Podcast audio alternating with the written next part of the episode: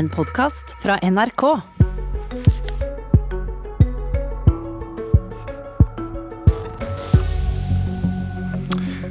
Det har startet en intens kamp mot det muterte viruset i Østfold, og alle priser seg lykkelige for at vi har et kompetent folkehelseinstitutt.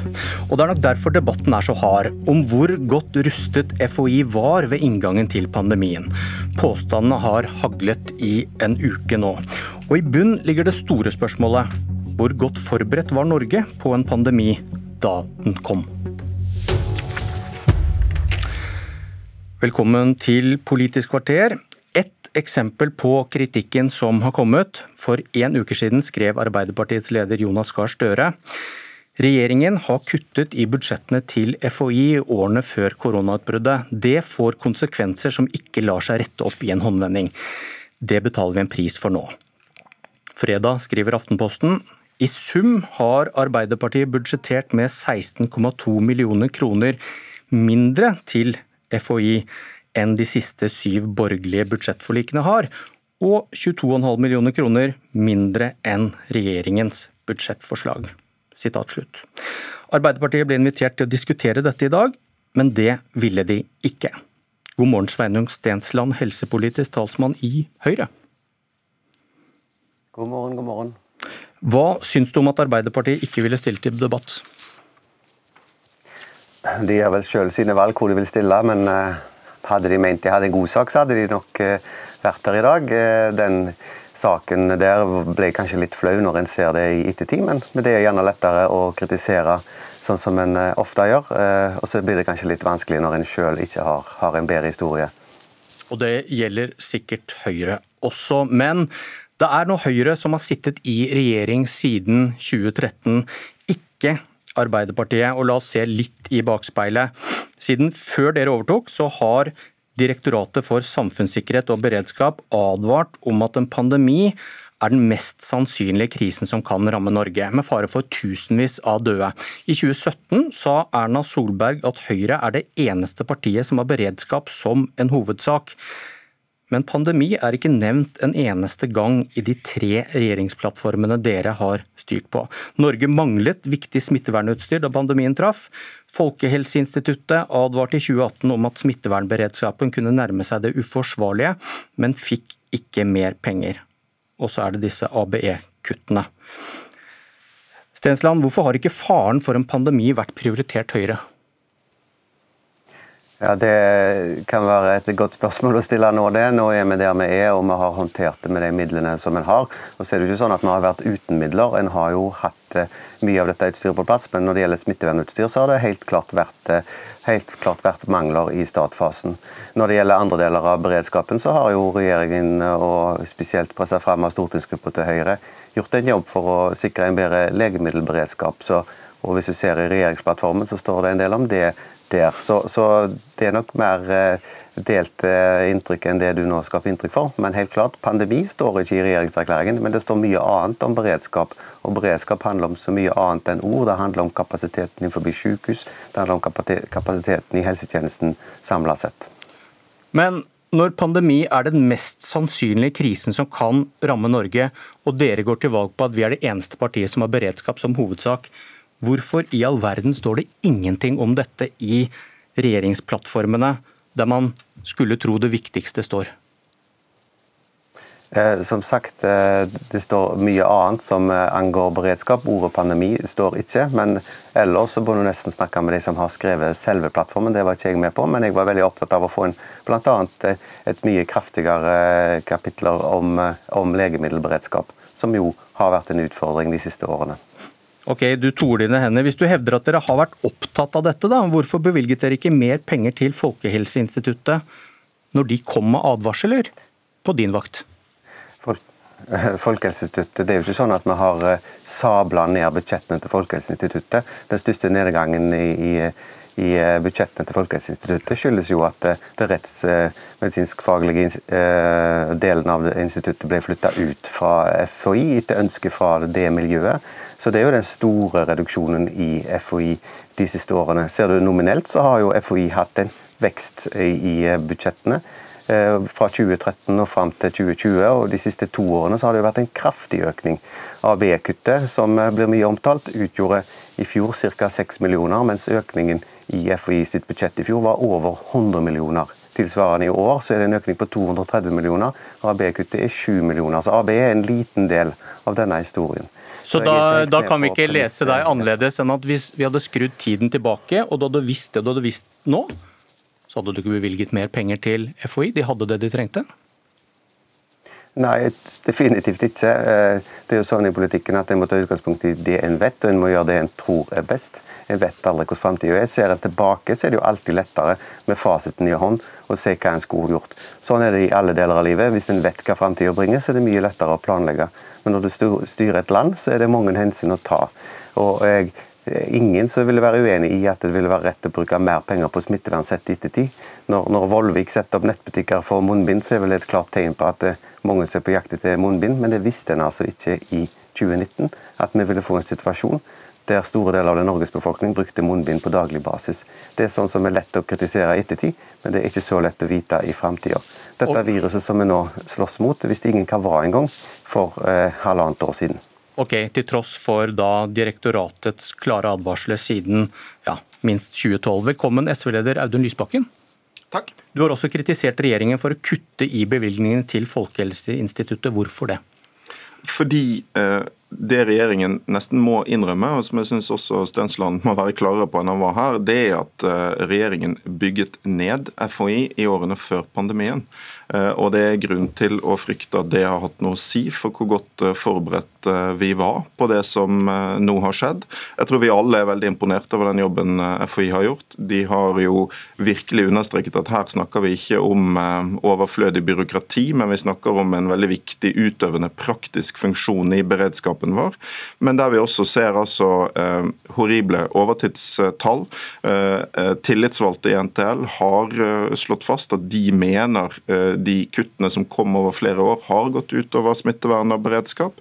Og det har også blitt sagt at moderniserings- og utviklingsarbeidet har blitt vanskeliggjort. Så vil vi jo få se etter hvert, håper jeg, når eh, koronakommisjonen legger fram sin rapport f.eks., nøyaktig hvilke konsekvenser det har hatt. Men vi må huske på at denne diskusjonen begynte fordi både Bent Høie og statsministeren rykket ut og nærmest påstod at de kuttene regjeringen har gjennomført, har vært en stor fordel for FHI, har gjort at man har vært mer effektiv og bedre forberedt. Og Det er det altså ikke noe grunnlag for. og Da syns jeg at Stensland og Høyre får ta det politiske ansvaret for at de kuttet på en ganske blind måte, som har hatt konsekvenser. Ok, Men eh, hvor mye ekstra ville SV gi FHI i deres budsjett for 2020, da? Altså vi, når disse kuttene foregikk eh, i 2018 og 2019, så foreslo vi mer penger til FHI. Men du må nesten stå inne for det siste budsjettet du la fram, som du vil, vil regne med er det beste for landet. Ja, hvor, da, mye, hvor, mye, ekstra ga dere til FHI i deres siste alternative budsjett? Da var jo regjeringen i gang med å trappe opp igjen. Eh, så eh, dette, det store spørsmålet her er jo hva som skjedde svaret når regjeringen kuttet. Ikke, ikke en krone er svaret. Nettopp fordi da, jo, da kom jo regjeringen med penger. Men i de årene Men hvorfor kritiserer du dem da? Fordi når de i årene fram til 2019 gjennomførte en rekke kutt, så er det ikke sånn som Stensland eh, gir inntrykk av, at de ikke ble advart. Det var tvert imot mange stemmer som advarte mot dette. Det er ganske interessant å gå du, tilbake du, du, og se på den debatten fri. Du frikjenner dem jo da, for dette er jo før pandemien. Når dere la fram budsjettet for 2020, så sier du at da var økonomien til FHI på vei riktig vei, så dere trengte ikke bevilge noe? I de årene de gjennomførte sin kuttreform i FHI, så advarte vi mot det, og vi foreslo mer penger. Eh, og Det er jo også eh, en viktig del av denne historien, fordi det er ikke sånn at ikke det var en debatt på det tidspunktet. Det kom andre forslag i Stortinget, det kom kritikk fra eh, faglig hold. Og så, så må jeg huske på at... Men for, for deg, du, du kjenner også til risikovurderingene til Direktoratet for samfunnssikkerhet og beredskap. Hvorfor står det ikke ett ord om pandemi i SVs partiprogram? Altså, Jeg har aldri brukt mot regjeringen eh, at ikke de lister opp alle ulike trusler som kan treffe oss. Men Svar på men, det jeg spurte om.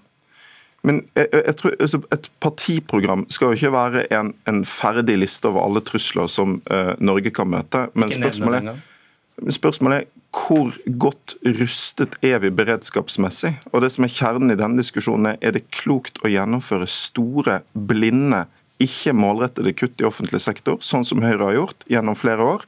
Det har vi ikke gjort. nettopp fordi vi tror at gjør du det, så går det utover tjenester.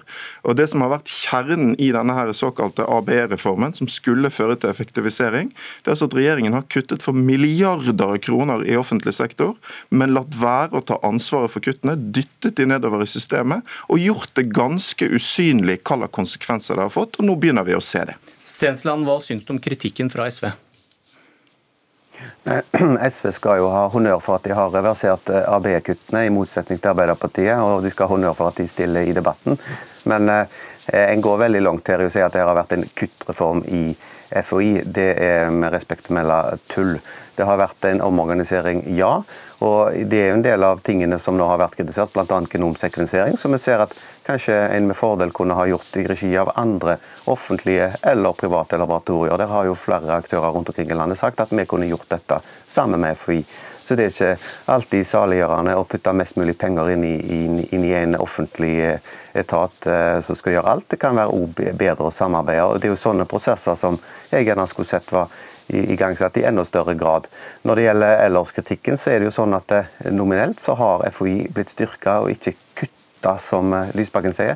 AB-reformen handler jo om å bruke de felles ressursene vi har på en bedre måte. Det er jo mye lettere for SV, som henter inn eh, skattekroner på skattekroner for å bruke og pøse inn i offentlig sektor.